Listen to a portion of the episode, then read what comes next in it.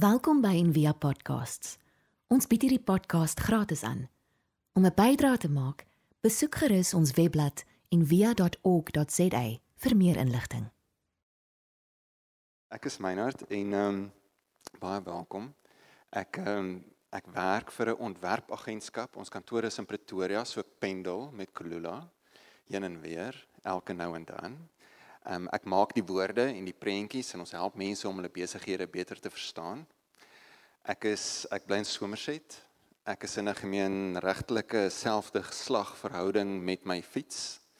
Ehm um, my ek weet dis 'n seentjie fiets want ehm um, hy hy stil en uh en hy het nie brieke nie en hy ehm um, elke keer so tyd spandeer aan as ek moeg dan sê ek voel ek moeg sy weet waarvan ek praat nee ek trek sommer julle been. En ek werk nie meer in 'n kerk nie. Ek het vir lang tyd was ek deel van kerkwêreld maar ek is nie meer ek is nie meer deel van deel van kerkwêreld nie.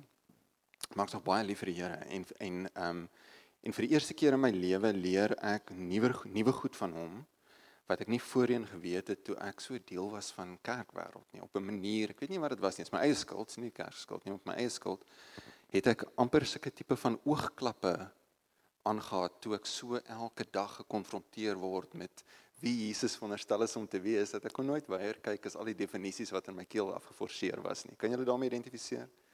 En vir die eerste keer toe ek vir myself moes weier kyk, toe ek soos o, vet, nou wie is hy? Wie is hy nou weer vir my?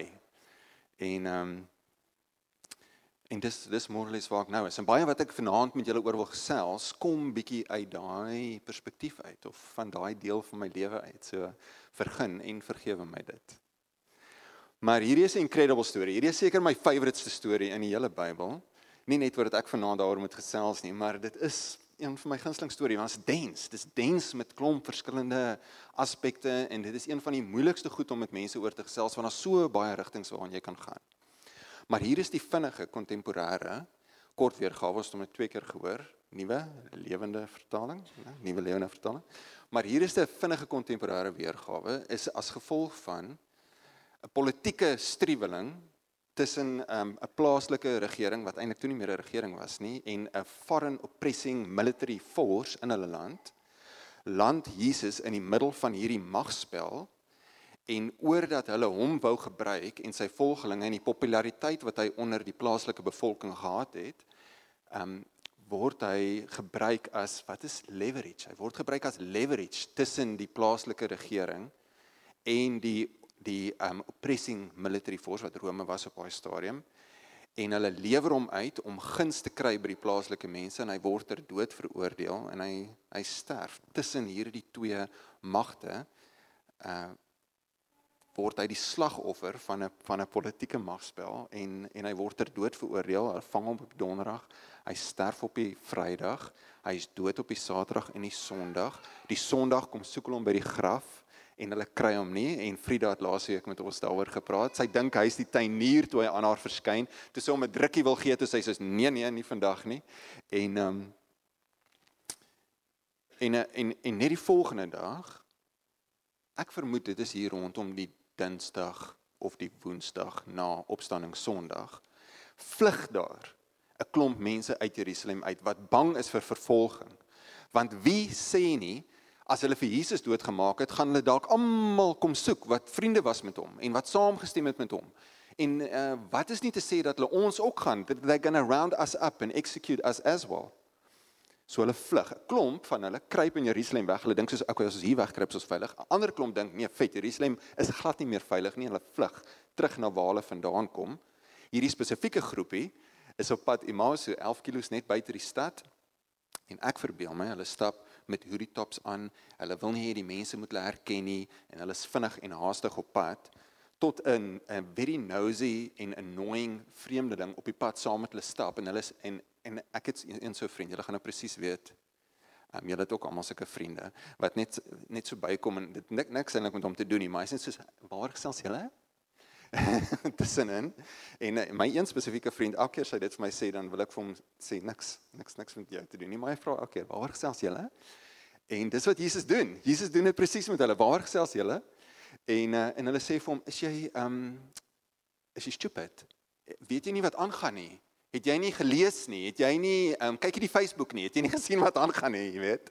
Al hierdie goeters het gebeur in die stad in hierdie week, die afgelope paar dae en ons het um, ons het hierdie leier gehad, maar hy was toe hy het ons kleurgestel, hy was niks wat ons gehoop het hy sal wees nie. Hulle het hom vermoor en um, en ons vlug vir ons lewens en vir ons reputasie en ons wil net so gou as moontlik by die huis kom.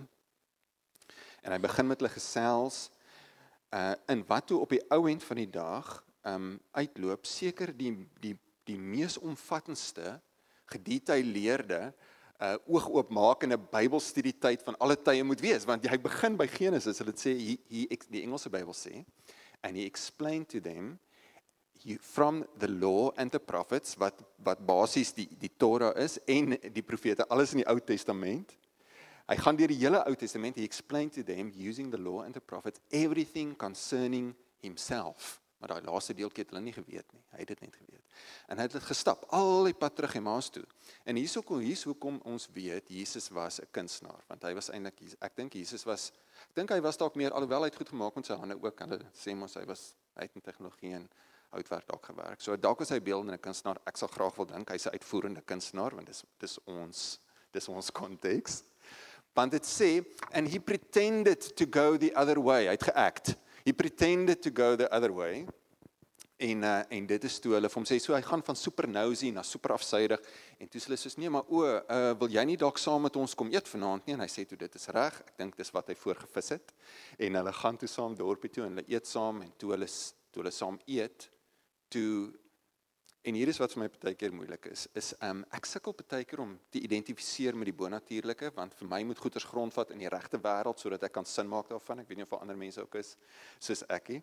Maar as ek so gou as wat ek met um met met toordery of bonatuurlike of um of wat is die ander woord? Um ja, gekonfronteer word sukkel ek daarvan dat dit vir my sin maak in my lewe, jy weet, op die grond. So dalk dalk ek weet ek weet dit sê en hy het voor sy oë verdwyn, maar dalk het hy ehm um, homself vinnig verskoon. Dalk het hy homself net vinnig verskoon en toe hulle weer sien, net toe hulle agterkom my feit, maar dit is Jesus, toe is hy weg weer. Toe sy weer net weg en hulle kon hom nie weer kry nie en en hulle sê ja was dit was dit regtig hy, jy weet, het ons het so kort tydjie met hom gehad om te gesels net ons agterkom toe sy weg. En dis die storie. En daar's baie plekke wat jy kan praat oor van hier af verder. Jy kan praat oor ehm um, hoe Jesus gekies het om op opstandingsdag dit te spandeer saam met mense wat eintlik uh teleurgesteld was in hom en heel nederig 11 km in die stof afgestap het. Jy kan daaroor praat en daar's dae lank wat jy daaroor kan praat. Of jy kan sê hoe seker omtrent elke betekenisvolle ding wat Jesus gedoen het saam met mense kos ingesluit het en saam geëet het en ons kan daaroor baie lank praat. Of jy kan praat as hier mense ehm um, as hier literêre kunstenaars onder is en hulle waardeer literêre parallelle, dan kan ons praat oor die literêre parallel tussen mense wat se oë toe is, maar hulle harte is oop en hoe daai twee goed baie keer wederzijds uitsluitend is en dit kan interessant wees. Maar ek het daai storie seker nou al en ek wil nie vir julle jok nie, maar seker al 'n paar honderd keer self gelees, gehoor en oor gepraat. En op hierdie stadium van my lewe, gegee wat ek vir julle nou-nou vertel het van ek in die kerk en waar ek nou is, is staan hierdie ding vir my uit. En dit is 'n abstrakte, dis 'n abstrakte ding. En dalk is dit vir doeleindes van hierdie storie net 'n gedagte eksperiment, so reis saam met my. Maar vir elke liewe een van die kere wat Jesus aan mense verskyn nadat hy opgestaan het uit die dood uit, nadat hy gesterf en opgestaan het uit die dood uit, is is hy weird met mense. Hy's weird met hulle. Hy's weird in die sin dat hy is nie meer die ou vriendelike hugs and cuddles Jesus nie. Hy's afsydig op 'n manier.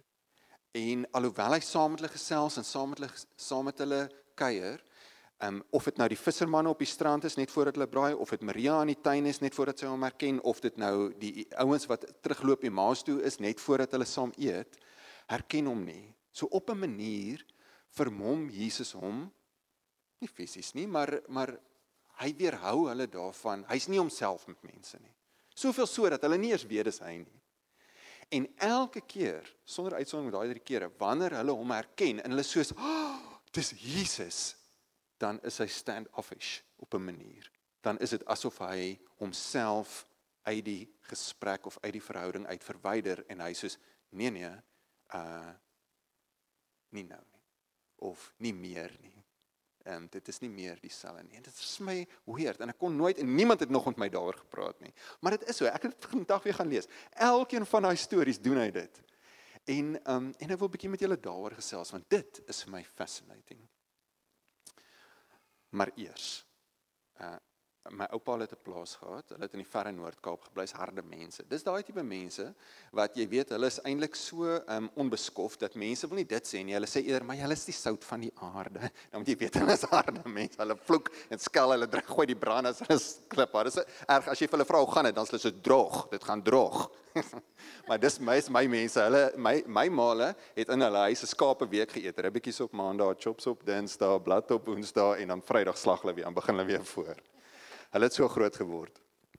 En daar was 'n plaasdam en altyd as ons daar was oor Desember is dit snikheet warm en dan gaan swem ons in die plaasdam, maar dis 'n plaasdam, dis 'n groot plaasdam, so groot soos hierdie hele area hierso, vol en as jy ooit in so 'n dam geswem het, dan sê jy weet as jy 'n kind is. En o, en hy's nie diep nie, is nou maar net 'n natuurlike dam. So hy's omtrent so diep, so diep.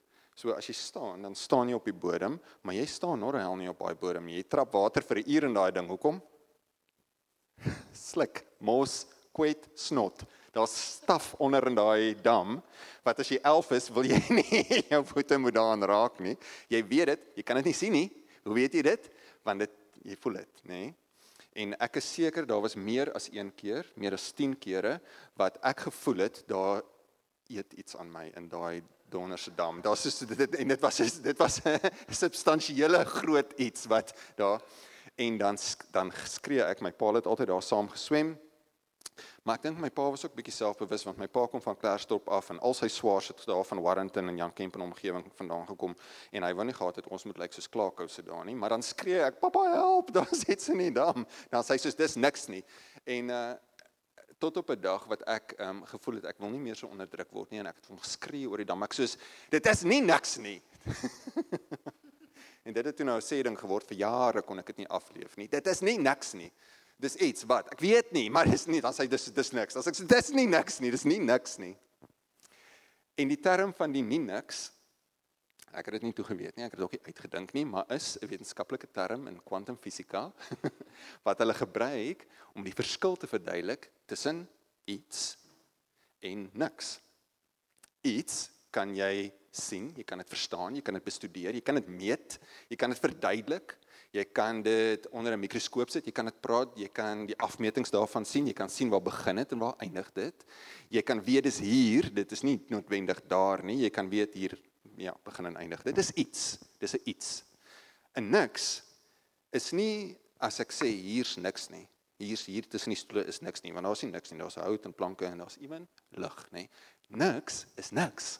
Dis 'n vakuum. Dit is soveel van niks dat jy kan nie eers in dit leef nie, want die die hoeveelheid niks wat daarin is, is versmorend. Jy kan nie leef in niks nie. Dis niks, niks, niks. Tussenin iets, volg julle nog, tussenin iets en niks is nie iets anders nie. Daar is die wat hulle noem in kwantumfisika en dit mag dalk vir jou weer dink, maar dit is regtig so. Jy kan dit gaan Google, jy kan daar aan jou tik aan jou Google masjienkie in. It's the not nothing. Wat is dit? Is dit iets? Nee, is nie iets nie. Is dit niks? Nee, is ook nie niks nie. Wat is dit? Ek weet nie. Ek weet nie, dit is nie niks nie. Maak dit sin? Dis nie niks nie. Dis die not nothing. Dit is 'n credible quantum physics, quantum physics, quantum mechanics, quantum physics term. Nou, ons het ook geestelike parallelle vir dit. Glo dit of nie? So daai twee velde van studie is baie naby aan mekaar. In Boeddhism noem hulle dit the great void of nirvana, die nie niks nie. In Hindoeïsm noem hulle dit um pralaya of hulle noem dit the the sleep that God awoke from. In die Joodse tradisie, um lees ons in Genesis ietsie van dit raak waar die skrywer skryf um the earth or the world was empty and unformed and and the spirit of God hovered over the and hy sê nie the earth eers nie hy sê the waters hovered over the waters. En in die Christelike tradisie is skryf Paulus 'n verstaan daarvan waar hy sê um the lord is at hand. Met ander woorde God is hier nê the lord is at hand. So tell him what you want and the peace that transcends all understanding will govern your heart and your mind. Hy skryf iets van dit. En dan is daar um, iets in die kontemplatiewe tradisies ook wat ons al baie hieroor gepraat in die Fransiskaanse tradisies, Ignatian tradisies wat praat van 'n quiet nothingness waar jy daar's nie daar's dis nie iets nie, dis ook nie niks nie. Dis nie niks nie, dis ondefinieerbaar. Gee dit kans. Dit sal insink. En jy's okay met dit. Jy's okay met dit. Jy weet nie wat dit is nie. Nou die nie niks wat so wonderlik is van die nie niks is na die een kant toe is daar onsekerheid. Maar na die ander kant toe is daar geleentheid. So daar is onsekerheid, ek weet nie wat dit is nie. Maar as ek myself kan kry om my onsekerheid en my angs en my behoefte om te wil weet en te wil definieer en te wil kan bestudeer en te wil te verstaan en te verduidelik net vir 'n oomblik op die rak kan sit, dan is daar geleentheid dan daar geleentheid om te ontdek, om van niets af te verstaan, om my definisies te laat gaan, om met 'n oop hand te leef en nie te sê dit is dit nie, maar om eerder te leef met die vraag om te sê wys my wat is dit. En ehm um, en julle dit is my iets wat uitstaan van Jesus wat opgestaan het en wat opgevaar het en in hierdie weird tyd tussenin die twee waar ons al hierdie stories kry en die Emmausgangers, sorry Frida en almal wat oor al die ander stories gepraat het, maar hierdie een is my gunsteling. Hierdie stories, dink ek, beleef ek iets van dit. Van Jesus wat sê ek was iets vir jou. Ek het mens geword Ek was begrens. Ek het myself kom giet en beperk in 'n menslike vorm dat ek jou kan kom haal waar jy was en vir jou kan vashou plek gee aan wie ek is en God is. Maar nou kan jy my nie meer vashou nie. Jy moet my nou laat gaan. Want ek is meer as iets. Ek is nie niks nie. Maar vir doeleindes van jou en jou verstaan en ons verhouding van hier af vorentoe is ek die nie niks vir jou. Ek is nie niks. Nee, jy kan nie sê ek is so nie. Is God so? Ek weet nie. Dalk is God hier. Dalk is ehm um, is God hierdie persoon of is hy dan?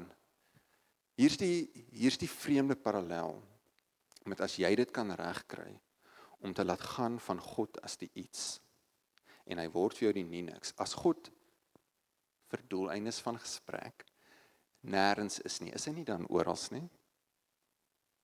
As God ehm um, niemand is nie, is daar is dit dan nie vir die eerste keer moontlik dat hy almal kan wees nie? As God nie meer in tyd is nie en hy leef nie meer 2000 jaar terug vir 33 jaar lank nie, is dit nie dan ook moontlik dat hy altyd kan wees nie?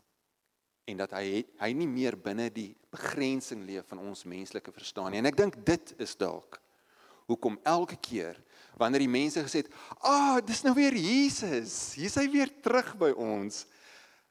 dat Jesus 'n allergie vir dit ontwikkel het en gesê het, "Nee nee, dit dit is nie nou. Dit is dis iets anders nou." Het julle in die Matrix gesien? Op 'n stadium is incredible. Incredible fliek is geestelike kos vir my. Maar op 'n stadium skiet Agent Smith vir Neo. En uh en hy die die die koels gaan in hom in en en hy sterf en Agent Smith draai om en hy loop weg heelself vandaan, maar dan hoor hy 'n stem as hy omdraai, dan staan Neo weer daar en Agent Smith kan nie glo nie want hy het hom nou net in die kop geskiet, maar Neo is weer daar, maar hy gloei en daar is kode. So as jy programmeer, jy weet waarvan ek praat, maar daar's kode, lettertjies kode wat oral op sy lyf loop. En en vir die eerste keer beleef hy maar hy het hy deel geword van hierdie wêreld. Hy het gedisintegreer in die kode in. Hy is nou die kode. Hy is die wêreld. Hy's deel van die wêreld en dan flex hy so. Ek weet nie hoe hulle dit gedoen nie. Dan flex hy so en as hy so flex dan buig die mure so. En as hy weer terug sy arms so terugbring, dan kom die mure weer so terug en hy kom agter. Hy hy totale beheer. En dan skiet hulle hom weer. En as die koels kom, dan stop hy net so, dan stop al die koels. Het julle onthou julle daai sien, dan stop al die koels, dan val die koels net so. En hy is nie meer hulle en dan kom Agent Smith en hy slaan hom, maar as hy hom slaan, dan slaan hy deur hom. Hy is nie hy's daar maar hy's ook nie meer daar nie. Hy's nie meer iets nie. Hy's nie meer neo nie. Maar hy's ook nie niks nie. Hy's die nie niks wat in elke vesel van ons wêreld bestaan wat wat in die kode van ons lewens in in verweef is op 'n manier. En ek dink ek dink dis wat Jesus dalk wou gehad het. Toe hy homself vir hulle weggesteek het en toe hulle hom erken gesê het nee, maar eintlik is dit nie meer ek nie, ek's jammer. Dis nie meer die ek wat jy onthou nie. En julle, is dit nie fascinerend nie? Nou wat beteken dit? Wat beteken dit vir ons?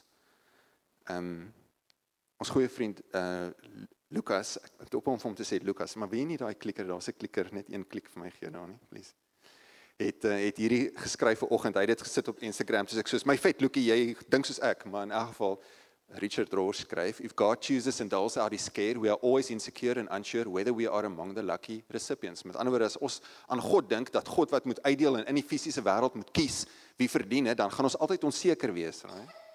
But once we become aware of the generous creative presence that exists in all things natural, we can receive it as the inner source of all dignity and worthiness. Dignity is not doled out to the worthy, it grounds the inherent worthiness of things in their very nature and existence. God is nie iets nie. God is not something. He is not nothing. He is the ground of everything. He is the ground of being, sê Peter Rollins. Hy is die grond waarin alles geplant is. Hy is dit waaruit alles uitgroei. Hy is die molek, hy is die kleinste verdeelbare eenheid van ons heelal. Hy bestaan op mole geestelike molekulêre vlak.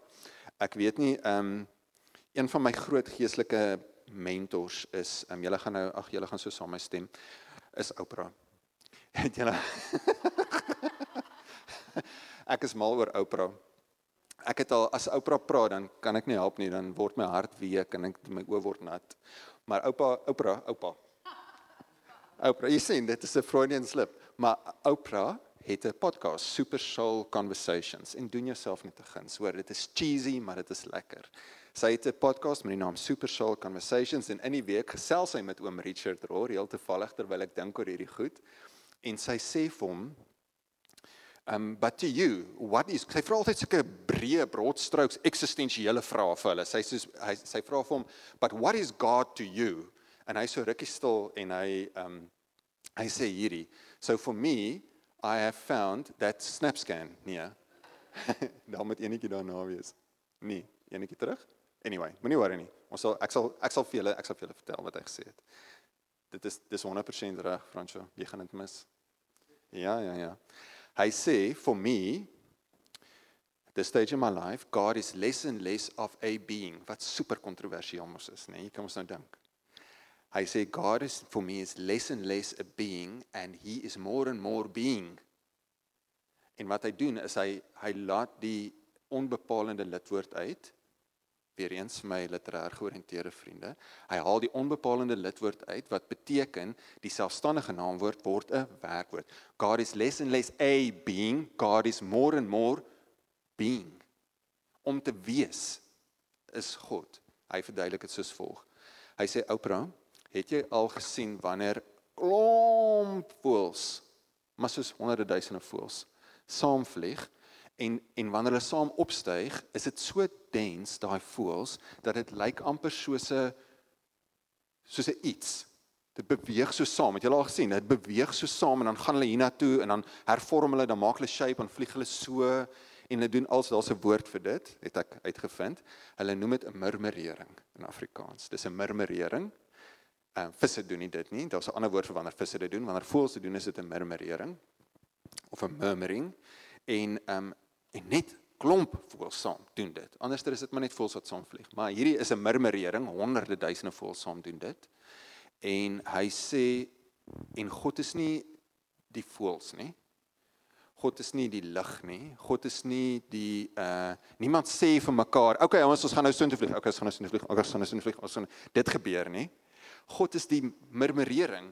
Is die murmurering die voëls? Nee, die murmurering is wat daar gebeur. Hy's die werkwoord van wat daar gebeur. Dis God. Obviously Oprah soos ja, ek verstaan 100% wat jy bedoel. Sy was confused. En obviously was ek toe confused, maar hoe meer ek daaroor dink, hoe meer maak dit vir my sin dat dat ek weet nie hoekom ons het groot geword met hierdie fisiese verstaan van Jesus en en die inkarnasie van God, maar hoe hoe hoe ouer en dommer ek word, hoe meer wonder ek het hy ons nie kom haal met dit nie.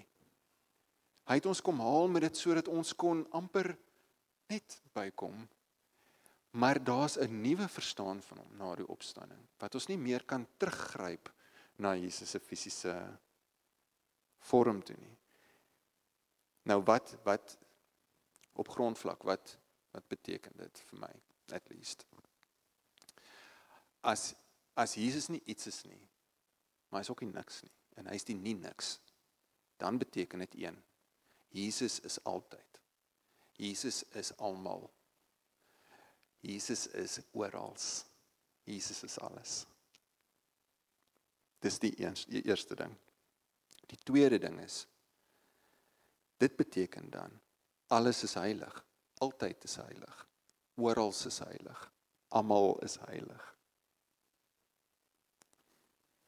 As dit jou nie aan die hart ruk nou nie, dan moet ons weer 'n bietjie daaroor praat. As alles en oral en altyd en almal heilig is, wat beteken dit? Het julle die Fault in Our Stars gekyk? Dit was baie blurry vir my die fliek. Die hele fliek was vir my blurry want ek moes deur my trane daarna kyk. Van die opening scene af tot in die credits aan die einde. Nie so nie. Nie so nie. So. So. en ehm um, daar's 'n daar's 'n lyntjie in daai fliek wat wat ek nie kon afkry toe ek uit die fliek uitloop toe wil ek so gaan maar hy het aan my gekleef en vandag nog steeds. The thing about pain is that it demands to be felt. The thing about pain is that it demands to be felt. Hier's die derde ding. The thing about holiness is that it demands to be acknowledged. Jy kan nie kom op 'n plek wat jy deur jou eie oë beleef en voel in daai oomblik jy stap in daai density in jy sê hierdie is heilig. Nee dit is net Woolies Foods. Ek gee nie om nie. Dit is dit, dit is soos heilig. En daai persoon nee sy maak net die cappuccino. Ek hoor wat jy sê. Ek weet sy maak net die cappuccino maar sy's heilig. Hier in Woolies ek sien sy's heilig. Nee die cappuccino is nie heilig nie. As ek hierdie cappuccino proe dit proe vir my heilig. Dis as jy, as wanneer jy God begin sien in die kode in als rondom jou. Wanneer jy die murmurering van God in jou wêreld begin verstaan in mense en in syfers en wat jou ook al aan die oë en ore gryp. It demands to be acknowledged. En toe het ek gedink dalk moet ek 'n vierde punt bysit. Wat moet jy dan doen? Maar jy sal weet wat jy moet doen dan. Jy sal self weet. Is my radical theory. As jy in 'n heilige plek inloop en jy en dit tref jou teen die gesig en jy beleef God is at hand the Lord is at hand dan sal jy nie wonder wat is dit wat jou te doen staan in daai oomblik met daai persoon gegeewe daai tyd nie jy sal weet maar die eerste stap is om te besef dis heilig ouens en um, en ek dink dit is my ten minste my uitdaging en uitnodiging wanneer ek myself in Kleopas se skoene sit en ek voel ek moet terugloop Jerusalem toe en Jesus praat met my. En ek moet dink, hoekom was hy so weird met my? Dit was nie die Jesus wat ons altyd leer ken het nie. Ah. Dis dis 'n ander Jesus. Jesus is God, hy's alles en altyd en oral. So John Wick 3 is uit. Met een van my favouriteste akteurs van alle tye. Ek het hom nou-nou genoem. Keanu Reeves. Ek kan nie wag om te gaan kyk nie. Nou spoilers please. En ehm um, ek is ek hou baie van John Wick want hy is so lief vir diere. Hy's 'n sagte ou eintlik glad nie. Hy's 'n moorddadige so 'n moordenaar maar maar maar John Wick 3 is uit en nou obviously wat die akteurs doen is hulle gaan op die speaking circuit, hulle gaan op die shows en dan vertel hulle oor die fliek en hulle doen alles en hulle sê okay maar dis hoekom ek die fliek gemaak het en dis wat vir my nice was van die storie en dis hoekom ons dit gedoen het en natuurlik Keanu Reeves in beste tyd van sy lewe uit 'n lekker baard. Hy's like amazing. Al sy swart suit altyd. En die show wat ek gekyk het is die Stephen Colbert show. En ek's mal oor Steven Colbert want hy is verskriklik spitsvondig en hy, hy praat nou met Keanu sit daar hy praat met Keanu sê Keanu tell me about your um journey in preparing for the character. En Keanu Reeves en sy super uber cool styl verduidelik hoe hy gegaan en al sy stand self gedoen en al die dinge gedoen. En uh net voor hulle klaar maak toe sê um to say Stephen Colbert uh, Keanu just um for the people uh, what happens when we die vra hy vir Keanu uit die bloute uit. Nie gesekwy in dit in nie, dit was nie deel van die hy vra dit net vir hom koud. What happens when we die? En sonder om 'n beat te mis, uh sê Keanu en sê hierdie hierdie was nou so 3 dae terug. Sê hy sê hy vir Keanu, um Steven of sê hy vir Steven, Steven, what happens when we die is the the people that that love us, that loved us will surely miss us. En daai hele teater is so En Steven Colbert is net so Keanu Reeves everybody. en dit maak die headlines. Julle moet dit bietjie gaan Google. Dis is die almal het daar in New York Times het daar geskryf. Soos 'n hele op-ed piece daaroor geskryf oor Keanu Reeves se respons op Steven Colbert se antwoord what happens when we die is that those that loved us will surely miss us. En ehm um, en onmiddellik dit was aanvanklik nie vir my so profound nie, want dit was in so 'n onprofound setting wat dit eintlik nog meer profound maak actually. Maar hoe meer ek daaroor gaan dink het, hoe meer ek herinner aan my pa wat seker so my pa's nou so 2 jaar en 2 maande terug is hy oorlede. My pa het limfklierkanker gehad en toe sy oorlede, hy was lank siek en baie gelei en hy's dood in die um Little Company of Mary Hospitaal in Pretoria en ek het van die Kaap af gevlieg. Ek het my vliegtuigkaartjie in die kar gekoop terwyl ek lughawe toe gejaag het en dit hom was betyds by hom om net by hom te wees en laaste uur wat hy oorlede is en almal het ingekom en vir ons kom sing daar die staf het kom sing en het 'n kersie aangesteek en ek het my ma en my sussie huis toe gevat. Ons het 'n diens gehad 'n dag of wat um, later Peer was daar. En uh ja, en ek mis hom nog elke elke dag. En en wanneer die geleentheid reg is, dan herinner ek ander mense aan goed wat my pa sou gesê het of hoe hy was En dan onthou ek dit eintlik vir my eie besalwe nie want mense kan hom nou nie onthou nie, maar dit is sodat ek nie vergeet nie. Dan herinner ek hom weer aan oulike stories van my pa. En en hier is die hier is die shocking ding wat ek agtergekom het en ek het nog nie regtig die moed gehad om dit vir my ma te sê of my sussie te sê wat hier twee ander mense is wat hom ook verskriklik mis nie want hulle was so lief vir hom. Maar miskien is hier van julle wat daarmee identifiseer en as ek dit vir jou sê dan kan dit jou ook dalk toestemming gee om ook so te voel. Maar hy is nou op 'n ander manier teenwoordig in my lewe op 'n manier op 'n manier wat ek hom nooit leer ken het nie. So my pa het baie foute gehad in sy lewe. Hy was nie verskriklik drukkerig nie. Ek sou dit geniet het as hy meer drukkerig was en by dit was nie hy nie. En uh en ek sou dit geniet het as hy partykeer kom sit het en gesê het, "Hoe gaan dit met jou?" Jy weet, hoe vir en maar dit was nie sy hy het vir my omgegee op ander maniere. Maar is asof al daai nou ondervang word op 'n manier wat hy of sy wese of sy essens of sy herinnering of iets. Ek's nie seker hoe om dit te noem nie want dit is nie niks nie. Teenwoordig is in my lewe maar dit beteken vir my so baie want hy het opgelos in my lewe. Hy het gedissolve in my lewe. In die kleinste deeltjies in soveel so dat hy deursuur my nou op 'n manier. En dis weird om so daaraan te dink Maar hoe meer ek gedink het oor hierdie week en oor hoe ek God ervaar, toe dink ek, "Jesus, maar dis ook eintlik nou my pa ervaar 2 jaar later wat wat ek nooit regtig kon gedoen het nie. Vorige kere het ek hom gemis aan belle kom en tel hy op of hy tel nie op nie en dan dan dan kon ons praat of connect of nie.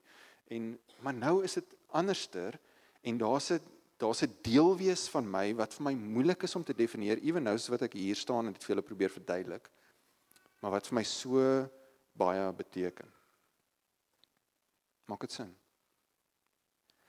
En uh en dit is vir my dis vir my 'n prentjie van van hoe ek besig is om te leer wie God vir my is en wie Jesus vir my is. Na aanleiding van die storie van die Emmausgangers. So ek is nie 'n mediese wetenskaplike nie. Hier in hiermee hiermee sluit ek af. Maar dalk kan jy met hierdie beeld huis toe gaan, maar ehm um, maar partykeer is ek moeg en ek lê op die bank, weet ek moet gaan gym, maar ek maak se moeg, ek gaan nie gym nie of ek weet ek moet beter eet, maak doen dit nie of ek weet ek moet met mense kuier, maak doen dit nie want ek voel moeg en dan dan weet ek ek kort medisyne en ehm um, vitamiene en dinge wat ek nie inkry nie want ek vreet net 'n klomp Burger King. Maar maar jy kan jy kan kies seker om aan God as hierdie te dink en jy kan dit selfs eet ook en dit kan kry dit gaan jou spysvertering ingaan en dan is daar 'n ander natuurlike proses, Franswa. So jy kan kies om dit jy kan kies om om God so te sien want dit's nice. Jy kan weet God is hier. Hy's nie daar nie, hy's hier. Hy het grense. Hy is ehm um, herkenbaar onmiddellik. Jy kan dit vir ander mense gee. Jy kan vir hom wys. Jy kan sê God is so. God is rond, God is hard, God jy God lyk so. En in feite, ek het hom hier in my sak. Hier's God. Hy lyk so. En is veilig en is verstaanbaar. Of wat jy kan kies om te doen, ehm um, as jy regtig God wil, as jy regtig wil hê God met jou lewe deursuur, is is jy moet jy moet maar dit doen. dan dan gebeur dit nou maar. En en die sleg van dit is van die nie niks is hy verdwyn. Hy's gone. Hy's nie meer daar nie. Jy kan nie meer aan hom vat nie. Jy kan nie meer sê hy's hier nie.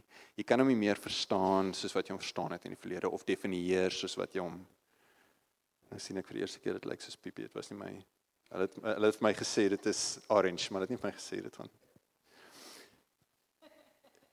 En hy as jy hom genoeg kans gee, dan is hy dan is hy weg. En dan sit net water. Maar dis die punt.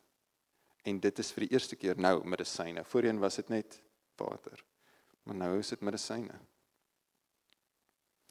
En uh en dit dit is dis hoe ek graag meer deesdae oor God wil dink. Julle, dis wat ek vir julle wou kom vertel het vanaand en met julle wou deel. Ons hoop van harte jy het hierdie podcast geniet of raadsaam gevind. Besoek gerus en via.ok.za vir meer inligting.